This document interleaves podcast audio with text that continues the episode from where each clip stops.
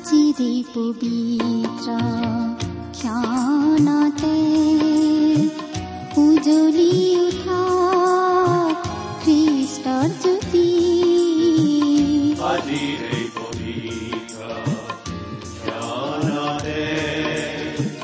উজলি উঠা খ্ৰীষ্টৰ জ্যোতি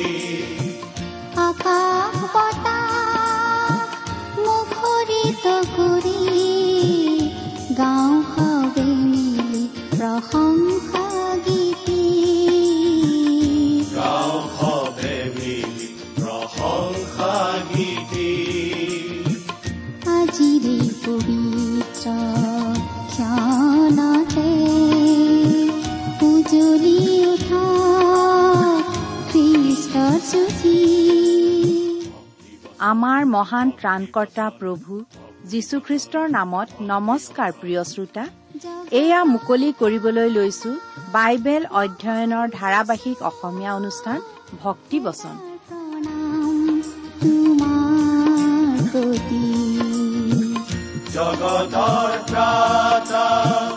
মহান প্ৰণাম তোমাৰ গ্ৰহণ কৰাই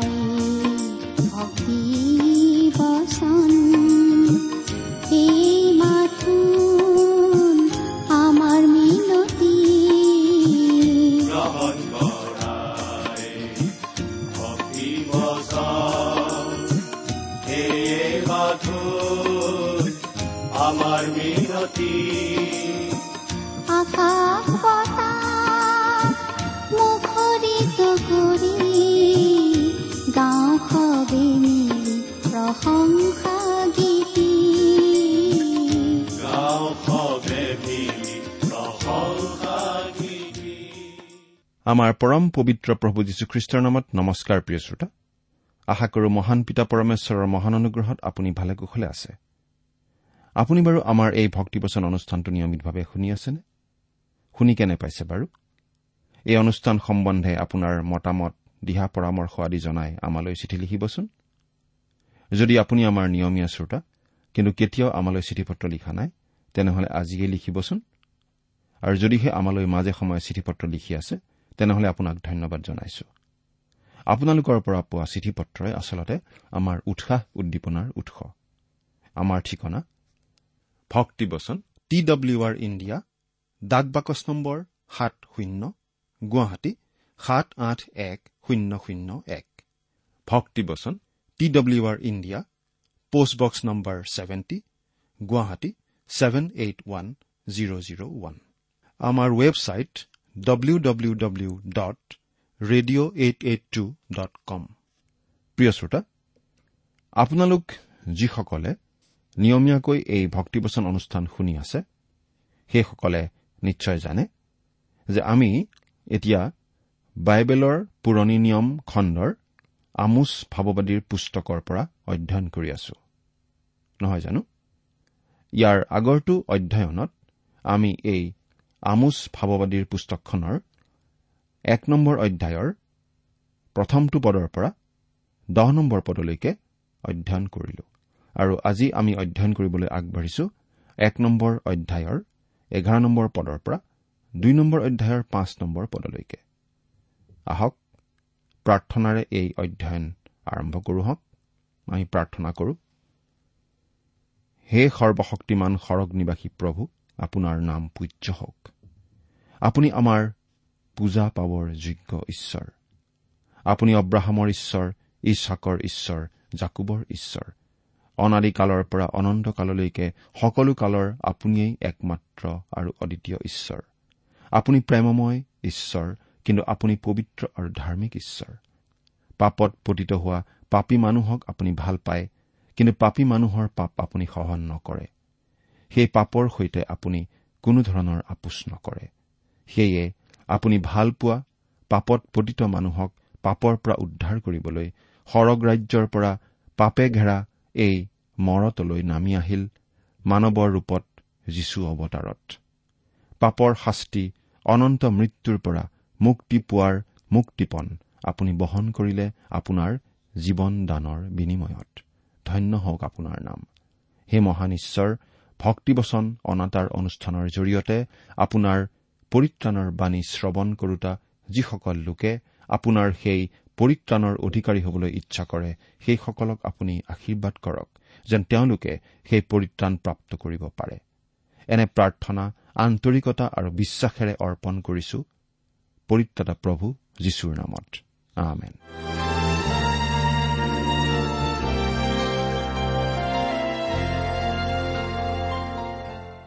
প্ৰিয় শ্ৰোতা ইয়াৰ আগৰটো অধ্যয়নত আমি চালো যে আমোচ ভাৱবাদীয়ে অৰামিয়া পলেষ্টিয়া আৰু ফৈনিকিয়াসকলৰ বিৰুদ্ধে ঈশ্বৰৰ সুধ বিচাৰ দণ্ড ঘোষণা কৰা।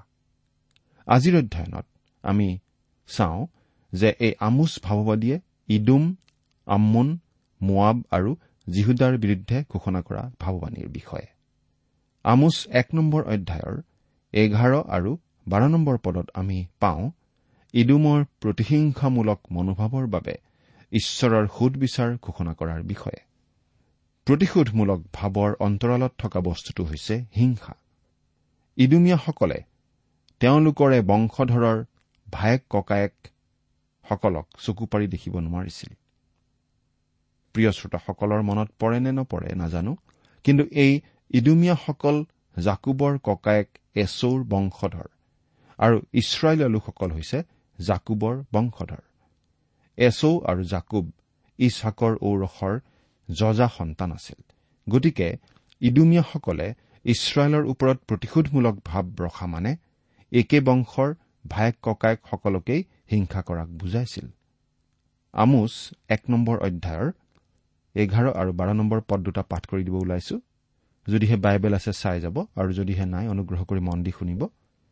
ইয়াত এনেদৰে লিখা আছে জিহুৱাই এই কথা কৈছে ইডুমৰ তিনিটা অপৰাধৰ এনেকি চাৰিটা অপৰাধৰ নিমিত্তে মই তাক দণ্ড নিদিয়াকৈ নেৰো? কিয়নো সি হাতত তৰোৱাল লৈ নিজ ভাইক খেদিলে। নিজৰ মনৰ পৰা সমস্ত দয়া দূৰ কৰিলে। তাৰ ক্ৰোধ নিত্য বিদাৰক আছিল আৰু সি নিজৰ কোপ চিৰকাললৈকে ৰাখিছিল। কিন্তু মই তৈমনলৈ অগ্নি পঠাম আৰু সেয়ে বস্ৰাৰ অট্টালিকাবোৰ গ্ৰাস কৰিব। তৈমন অঞ্চলত অৱস্থিত শিল কাটি নিৰ্মাণ কৰা পেট্ৰানগৰ আছিল ইডুম ৰাজ্যৰ ৰাজধানী। অগ্নিসংযোগেৰে তাৰ সকলো বস্তু সম্পূৰ্ণৰূপে ধ্বংস কৰা হৈছিল। বস্ৰাৰ ৰাজ অট্টালিকা সমূলঞ্চে ধ্বংস কৰাত তাৰ চিনচাব নোহোৱা হৈ পৰিল। সেইদৰে ইডুমৰ বিৰুদ্ধে দিয়া আমোচৰ ভাৱবাণী আখৰে আখৰে সিদ্ধ হৈছিল। তেওঁলোকৰ ওপৰলৈ ঈশ্বৰৰ সুধবিচাৰ আহিছিল। তেওঁলোকে তেওঁলোকৰ ভাতৃবংশ ইছৰাইলক হিংসা কৰি তেওঁলোকৰ ওপৰত প্ৰতিশোধমূলক মনোভাৱ পোষণ কৰি থকাৰ বাবে। তাৰ পাছত তেৰ নম্বৰ পদৰ পৰা পোন্ধৰ নম্বৰ পদলৈ আছে। আম্মুনে উগ্ৰভাৱে অপৰাধ কৰাৰ বাবে তাৰ বিৰুদ্ধে ঈশ্বৰৰ সুধবিচাৰ ঘোষণা। ইছৰাইলৰ চাৰিওফালে থকা দেশ আৰু ঠাইবিলাকৰ ক্ষেত্ৰত যিসকলৰ ভৌগোলিক জ্ঞান আছে তেওঁলোকে বুজি পাব যে আমি যিবিলাক দেশ বা ঠাইৰ কথা উল্লেখ কৰি আহিছো সেইবিলাক দেশ আৰু ঠাই ইছৰাইলৰ চাৰিওফালে আছে আৰু সেয়েহে আমি একাদিক্ৰমে সেই দেশ আৰু ঠাইবোৰ স্পৰ্শ কৰি গৈ আছো। আমি প্ৰথমতে ইছৰাইলৰ উত্তৰ পূব দিশত অৱস্থিত অমূৰীয়াসকলৰ দেশৰ কথাৰেই আৰম্ভণ কৰি উত্তৰ পশ্চিম দিশত ফৈনিকীয়া অঞ্চলৰ তুৰৰ কথাত ধৰিলো। তাৰ পাছত দক্ষিণ পূবলৈ নামি আহি পলেষ্টিয়াসকলৰ কথা কলো। তাৰ পাছত দক্ষিণলৈ নামি গৈ ইডুমৰ কথাত ধৰাৰ পাছত এতিয়া অম্মুনৰ কথালৈ আহিছো। অম্মুনৰ অপৰাধ কি আছিল? অৰ্থাৎ কি অপৰাধৰ বাবে ঈশ্বৰে অম্মুনৰ সুদবিচাৰ কৰিবলৈ ওলাইছিল। তেওঁলোকৰ অপৰাধ আছিল অতি উগ্ৰ। তেৰ নম্বৰ পদটো পাঠ কৰিছো। বাইবেল হাতত লৈ বহাসকলে বাইবেলত চাই যাওক আৰু যিসকলৰ হাতত বাইবেল নাই অনুগ্ৰহ কৰি মনোযোগেৰে শুনি যাওক। জিহুৱাই এই কথা কৈছে অম্মুনৰ সন্তানবিলাকৰ তিনিটা অপৰাধৰ এনেকি চাৰিটা অপৰাধৰ নিমিত্তে মই তাক দণ্ড নিদিয়াকৈ নেৰো। কিয়নো সিহঁতে নিজৰ সীমা বঢ়াবৰ নিমিত্তে গিলিয়দৰ গৰ্ভৱতী তিৰোতাবিলাকৰ উদৰ ফালিলে।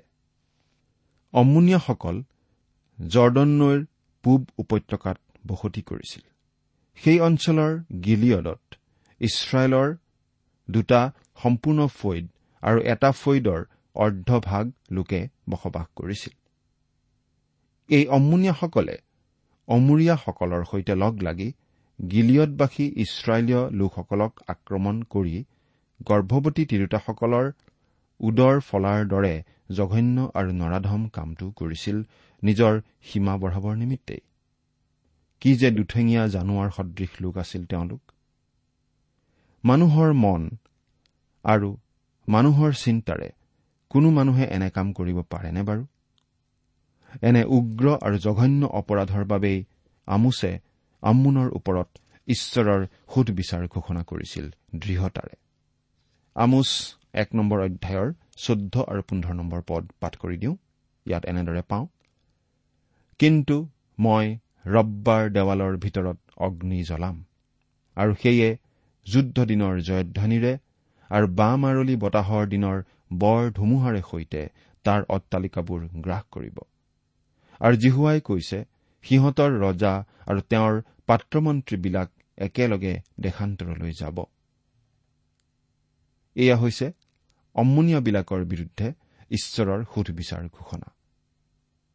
ৰব্বা এক মহানগৰ আৰু অম্মনীয়াসকলৰ ৰাজধানী আছিল। পাছলৈ গ্ৰীকসকলে এই নগৰখনকে ফিলাডেলফিয়া নগৰ বুলিছিল। মিছৰৰ তলময়ী ফিলাডেলফাছৰ নাম অনুসাৰে ফিলাডেলফিয়া নামটো দিয়া হৈছিল। জৰ্ডন ৰাষ্ট্ৰৰ ৰাজধানী আজিৰ এইখন আম্মান চহৰেই তাহানিৰ ৰব্বা বা ফিলাডেলফিয়া নগৰ আছিল। পুৰণি সভ্যতাৰ ভগ্ন অৱশেষ এতিয়াও তাত আছে। পূৰ্বৰ আম্মুনৰ ধ্বংসস্তূপৰ ওপৰতেই বৰ্তমানৰ আধুনিক জৰ্ডন ৰাষ্ট্ৰখন নিৰ্মাণ কৰা হৈছে। আম্মুনৰ কি অপৰাধৰ বাবে ঈশ্বৰে তেওঁলোকৰ বিৰুদ্ধে সুধবিচাৰ কৰিলে তাকে জানিবলৈ আমি দ্বিতীয় ৰজা বুলি আঠ নম্বৰ অধ্যায়টো পঢ়িব পাৰোঁ। অধ্যায়টো পঢ়িলে আমি এই কথা পাওঁ। তেতিয়া সজাইলে সুধিলে মোৰ প্ৰভুৱে কিয় ক্ৰদন কৰিছে? তেওঁ উত্তৰ দি কলে কাৰণ এই তুমি ইছৰাইলৰ সন্তানবিলাকৰ যি ৰূপ দুৰ্গতি কৰিবা তাক মই জানিছো। তুমি তেওঁবিলাকৰ দুৰ্গবোৰ জুই দি পুৰিবা। তেওঁবিলাকৰ ডেকালোকক তৰোৱালেৰে বধ কৰিবা। তেওঁবিলাকৰ শিশুবিলাকক মাটিত আচাৰিবা আৰু তেওঁবিলাকৰ গৰ্ভৱতী তিৰোতাবিলাকৰ পেট ফালিবা। তেতিয়া সজাইলে কলে কেৱল কুকুৰৰ তুল্য আপোনাৰ এই দাস কোন যে এনে মহৎ কৰ্ম কৰিব? তেতিয়া ইলিচাই কলে তুমি অৰামৰ ওপৰত ৰজা হবা। এই কথা জিহুৱাই মোক জনালে। দ্বিতীয় ৰজা বুলি আঠ নম্বৰ অধ্যায়ৰ বাৰ আৰু তেৰ নম্বৰ পদত আমি এই বুলি পঢ়িবলৈ পাওঁ।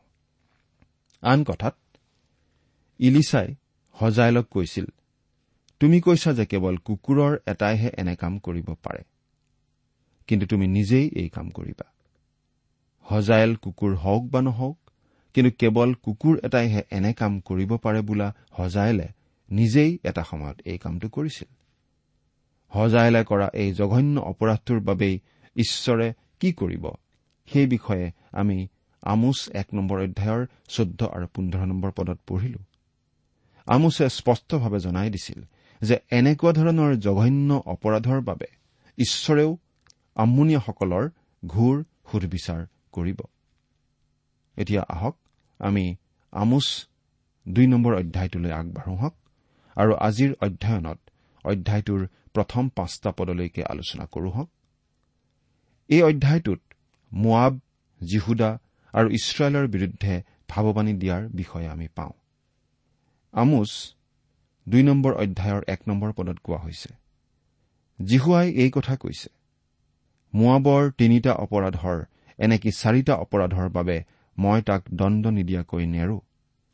কিয়নো সি ইডুমৰ ৰজাৰ হাড়বোৰ পুৰি চূৰ্ণ কৰিলে। এই পদটোতো আমোছে তেওঁ সচৰাচৰতেই উল্লেখ কৰাৰ ধৰণেৰে মোৱাবৰো অপৰাধ গণনা কৰিছে। অৰ্থাৎ তিনিটা এনেকে চাৰিটা বুলি কৈ তেওঁ আচলতে কৈছে যে মোৱাবৰ অপৰাধ বহুতকেইটা কিন্তু তেওঁ সাধাৰণতে কৰাৰ দৰে মোৱাবৰ কেৱল এটা গুৰুতৰ অপৰাধ উল্লেখ কৰিছে আৰু মোৱাবৰ ওপৰত ঈশ্বৰৰ সুধবিচাৰ ঘোষণা কৰিছে। এতিয়া আমি দুই নম্বৰ পদৰ পৰা চাওঁ হওক। মোৱাবৰ সেই গুৰুতৰ অপৰাধটোনো কি আছিল? আমি তাকে পাওঁ। আমি দুই নম্বৰ অধ্যায়ৰ এক নম্বৰ পদতেই ঈশ্বৰে এই বুলি কোৱা পাইছিলো।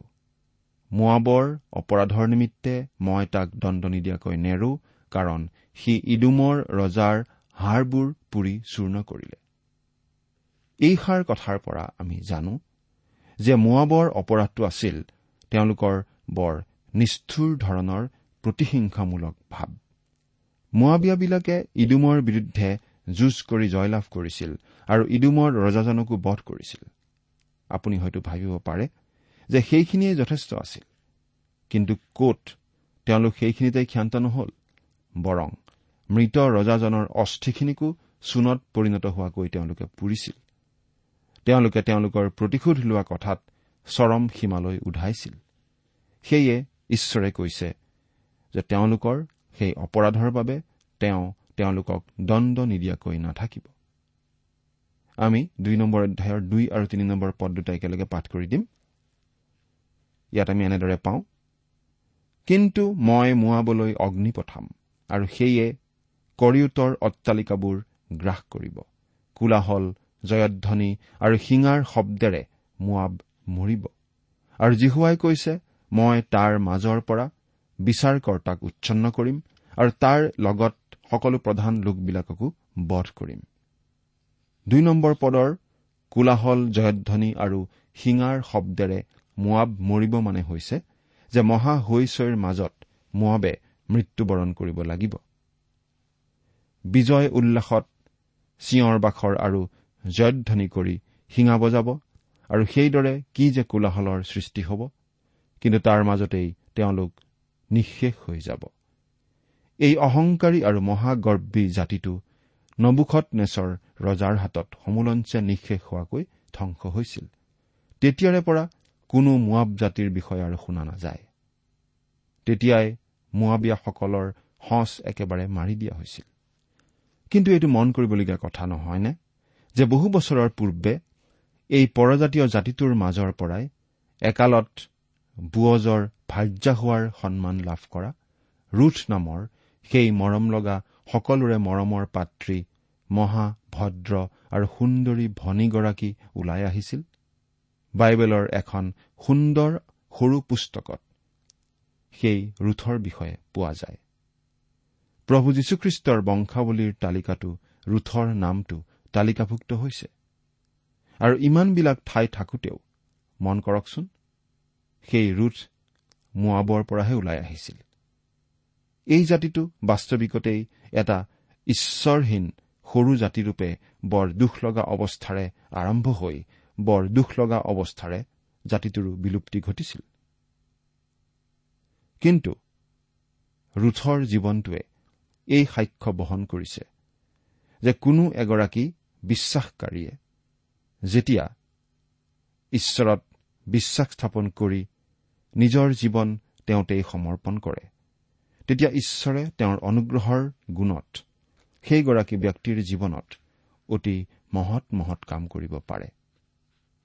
বৰ গৰ্বী নিষ্ঠুৰ হিংসা প্ৰতিশোধ পৰায়ণতা আৰু ঈশ্বৰক নজনা জাতিটোৰ সম্পূৰ্ণ বিলুপ্তি ঘটিল। কিন্তু ৰুথৰ ঈশ্বৰৰ হাতত সম্পূৰ্ণ সমৰ্পিত জীৱনৰ কাৰণে ৰুথ আজিও জনমানসত অমৰ হৈ আছে। তাৰ পাছত এতিয়া আমোচ দুই নম্বৰ অধ্যায়ৰ চাৰি আৰু পাঁচ নম্বৰ পদত আমি পাওঁ যীহুদাই বিধান উলংঘন কৰাৰ কাৰণে আমোছে তেওঁলোকৰ বিৰুদ্ধে সুধবিচাৰ ঘোষণা কৰাৰ কথা। এতিয়া আমোছে ওলোটা ফালেৰে আহি ইছৰাইলসকলৰ অপৰাধ আৰু সেইবিলাকৰ বিৰুদ্ধে সুধবিচাৰৰ কথাত ধৰিছে। আন ভাওবাদীসকলে হলে সদায়েই প্ৰথমতে ইছৰাইলৰহে অপৰাধ আৰু তাৰ বিৰুদ্ধে সুধবিচাৰ ঘোষণা কৰিছিল। আমোছে আন জাতিবিলাকৰ অপৰাধ আৰু সেইবিলাকৰ বিৰুদ্ধে সুধবিচাৰ ঘোষণা কৰাৰ পাছত ইছৰাইলৰ অপৰাধৰ বিৰুদ্ধে সুধবিচাৰ ঘোষণা কৰিছে যি ইছৰাইলৰ বিৰুদ্ধে সুধবিচাৰ অধিকভাৱে গুৰুতৰ। তেওঁলোকৰ বিৰুদ্ধে সুধবিচাৰ অধিক গুৰুতৰ হোৱাৰ কাৰণটো হৈছে যে তেওঁলোকে ঈশ্বৰৰ পৰা পোৱা বিশেষ অনুগ্ৰহে তেওঁলোকক অধিকভাৱে দায়বদ্ধ কৰি তুলিছিল। আপুনি ঈশ্বৰৰ কথা যিমান অধিকভাৱে জানে সিমান অধিকভাৱে আপুনি দায়বদ্ধও হয়। প্ৰিয় শ্ৰোতা আমি বিশ্বাস কৰো যে আমি যিসকলে বাইবেল অধ্যয়ন কৰি ঐশ্বৰিক বিষয় জানিছো সেইসকলে বাইবেল নথকা আৰু নজনাসকলতকৈ অধিক অধিক বিষয়ত দায়বদ্ধও হওঁ। বাইবেল নথকা আৰু নজনা যিবিলাক লোক আমাৰ চাৰিওফালে আছে বহু সময়ত আমি তেওঁলোকে সন্মুখীন হ'বলগীয়া ঈশ্বৰৰ সুধবিচাৰৰ কথা ভাবো। কিন্তু আমাৰ যিসকলৰ হাতত বাইবেল আছে আৰু আমি যিসকলে বাইবেল অধ্যয়ন কৰি ঈশ্বৰৰ কথা জানিছো আমাৰ সুধবিচাৰ যে তেওঁলোকতকৈ গধুৰ হ'ব সেই কথা বাৰু আমি মনত ৰাখিছোনে? চিন্তা কৰিছোনে? আমাৰ হাতত বাইবেল থকাৰ কথাক লৈ আমি গৌৰৱ কৰিব পাৰোঁ। কিন্তু মূল কথাটো হৈছে যে আমি ব্যক্তিগতভাৱে সেইখন বাইবেলৰ আদেশ অনুসাৰে জীৱন ধাৰণ কৰো নে নকৰো? বা ঈশ্বৰৰ বচন সেই বাইবেলখনৰ বিষয়ে আন লোকবিলাকে জানিবলৈ সেই ক্ষেত্ৰত কিবা পদক্ষেপ লৈছো নে নাই? চাৰিওফালৰ আন আন জাতিবিলাকৰ পৰা ঘূৰি এতিয়া আমোচ ভাৱবাদীয়ে ঈশ্বৰৰ নিজৰ মানুহ ইছৰাইলীয়াসকলৰ অপৰাধত ধৰিছে। তেওঁ যি জিহুদা বংশৰ পৰা নিজে আহিছিল ইছৰাইলৰ দক্ষিণ ৰাজ্যৰ সেই জিহুদী জাতিটোতেই তেওঁ ধৰিছিল। আমোচ দুই নম্বৰ অধ্যায়ৰ চাৰি নম্বৰ পদ। জিহুৱাই এই কথা কৈছে জিহুদাৰ তিনিটা এনেকি চাৰিটা অপৰাধৰ নিমিত্তে মই তাক দণ্ড নিদিয়াকৈ নেৰো কিয়নো তেওঁবিলাকে জিহুৱাৰ ব্যৱস্থা অগ্ৰাহ্য কৰিলে তেওঁৰ বিধিবোৰ পালন নকৰিলে। আৰু তেওঁবিলাকৰ পূৰ্বপুৰুষবিলাকে যি অসাৰ বস্তুবোৰৰ পাছত চলিছিল সেইবোৰে তেওঁবিলাকক ভ্ৰমত পেলালে। আন কথাত ঈশ্বৰে জিহুদাৰ অনেক অপৰাধ উল্লেখ কৰিব পাৰিলেহেঁতেন কিন্তু সেইবোৰৰ মাজৰে মূল এটাত তেওঁ জাতিটোৰ বিৰুদ্ধে সুধবিচাৰ ঘোষণা কৰোৱাইছে তেওঁৰ দাস আমোচৰ জৰিয়তে। সেই মূল অপৰাধটো হৈছে যে তেওঁলোকে প্ৰভুৰ ব্যৱস্থা অগ্ৰাহ্য কৰিলে তেওঁৰ বিধিবোৰ পালন নকৰিলে আৰু তেওঁলোকৰ পূৰ্বপুৰুষসকলে যি অসাৰ বস্তুবোৰৰ পাছত চলিছিল সেইবোৰে তেওঁলোকক ভ্ৰমত পেলাইছিল। জিচয়া জিৰিমিয়া আৰু জিহিচকেল ভাৱবাদীয়ে জিহুদাৰ যিবোৰ অপৰাধৰ কথা বহলকৈ কৈছিল তাকে আমোছে চমুকৈ কৈ কৈছে যে জিহুদাৰ সেইবোৰ অপৰাধৰ কাৰণে প্ৰভু ঈশ্বৰে তেওঁলোকক দণ্ড নিদিয়াকৈ নাথাকিব। তেওঁলোকৰ অপৰাধ আছিল ঈশ্বৰৰ বিধান ভংগ কৰা। ঈশ্বৰৰ সেৱা আৰাধনা কৰিবলৈ জিৰচালেম মন্দিৰো তেওঁলোকৰ মাজত আছিল।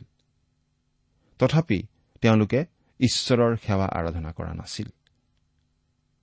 প্ৰিয় শ্ৰোতা ঈশ্বৰৰ বিধান লংঘন কৰা অথবা তেওঁৰ সেৱা আৰাধনা নকৰা অপৰাধত ঈশ্বৰে কোনো আন জাতিকে অপৰাধীৰূপে ধৰি সুধবিচাৰ যে কৰা নাই সেই কথাটো আপুনি বাৰু মন কৰিছেনে? কাৰণ আন জাতিবিলাকৰ বাবে ঈশ্বৰৰ বিধান নাছিল। সেয়ে ঈশ্বৰৰ বিধানৰ দৰেও তেওঁলোকৰ সুধবিচাৰ হোৱা নাছিল। আমোচ দুই নম্বৰ অধ্যায়ৰ পাঁচ নম্বৰ পদটো পঢ়িছো। কিন্তু যীহুদালৈ মই অগ্নি পঠাম আৰু সেয়ে জিৰচালেমৰ অট্টালিকাবোৰ গ্ৰাস কৰিব। আমোছে বাৰে প্ৰতি এই কথা কৈছে যে জাতিবিলাকৰ অপৰাধৰ সুধবিচাৰ অগ্নিৰে হ'ব। বাস্তৱিকতেই নবুখত নেচৰ ৰজাই আক্ৰমণ কৰি জিৰচালেম নগৰখন পুৰি নাইকিয়া কৰি পেলাইছিল।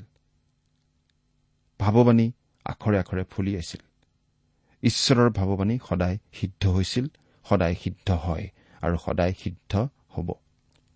আৰু সেই ভাৱবাণী মতেই প্ৰভু যীশু এই পৃথিৱীলৈ আকৌ আহিব।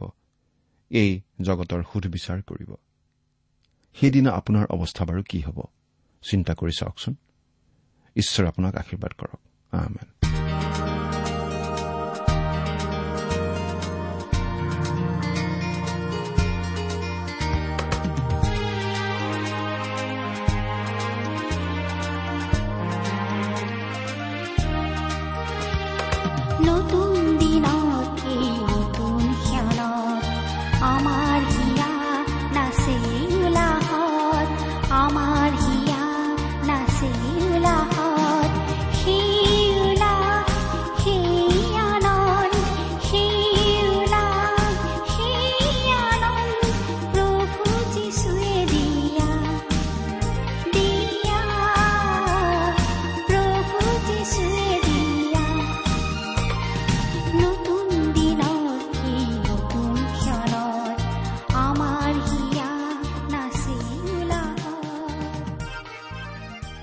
পৰে আপুনি ভক্তিবচন অনুষ্ঠানটি শুনিলে। অনুষ্ঠানটি শুনি কেনে পালে? আমালৈ চিঠি লিখি জনাবচোন। অনুষ্ঠানত প্ৰচাৰ কৰা কোনো কথা বুজিব লগা থাকিলেও আমালৈ লিখক। আমাৰ ঠিকনা ভক্তিবচন টি ডাব্লিউ আৰ ইণ্ডিয়া ডাক বাকচ নম্বৰ সাত শূন্য গুৱাহাটী সাত আঠ এক শূন্য শূন্য এক। ঠিকনাটো আৰু এবাৰ কৈছো। ভক্তিবচন টি ডাব্লিউ আৰ ইণ্ডিয়া ডাক বাকচ নম্বৰ সাত শূন্য গুৱাহাটী সাত আঠ এক শূন্য শূন্য এক। আপুনি ইমেইল যোগেৰেও আমাৰ সৈতে যোগাযোগ কৰিব পাৰে। আমাৰ ইমেইল আইডিটো হৈছে Assamese T TV at radio' eight eight two dot com. আইডিটো আকৌ এবাৰ কৈছো। Assamese T TV at radio' eight eight two dot com. আপুনি টেলিফোনৰ মাধ্যমেৰেও আমাক যোগাযোগ কৰিব পাৰে। আমাৰ টেলিফোন নম্বৰটো হৈছে শূন্য তিনি ছয় এক দুই ছয় শূন্য চাৰি ছয় সাত এক। ফোন নম্বৰটো আকৌ এবাৰ কৈছো zero' three six one two six zero' four six seven one. আজিৰ অনুষ্ঠানটি ইমানতে সামৰিছো। ঈশ্বৰৰ শান্তি আৰু অনুগ্ৰহ আপোনাৰ লগত থাকক। ধন্যবাদ।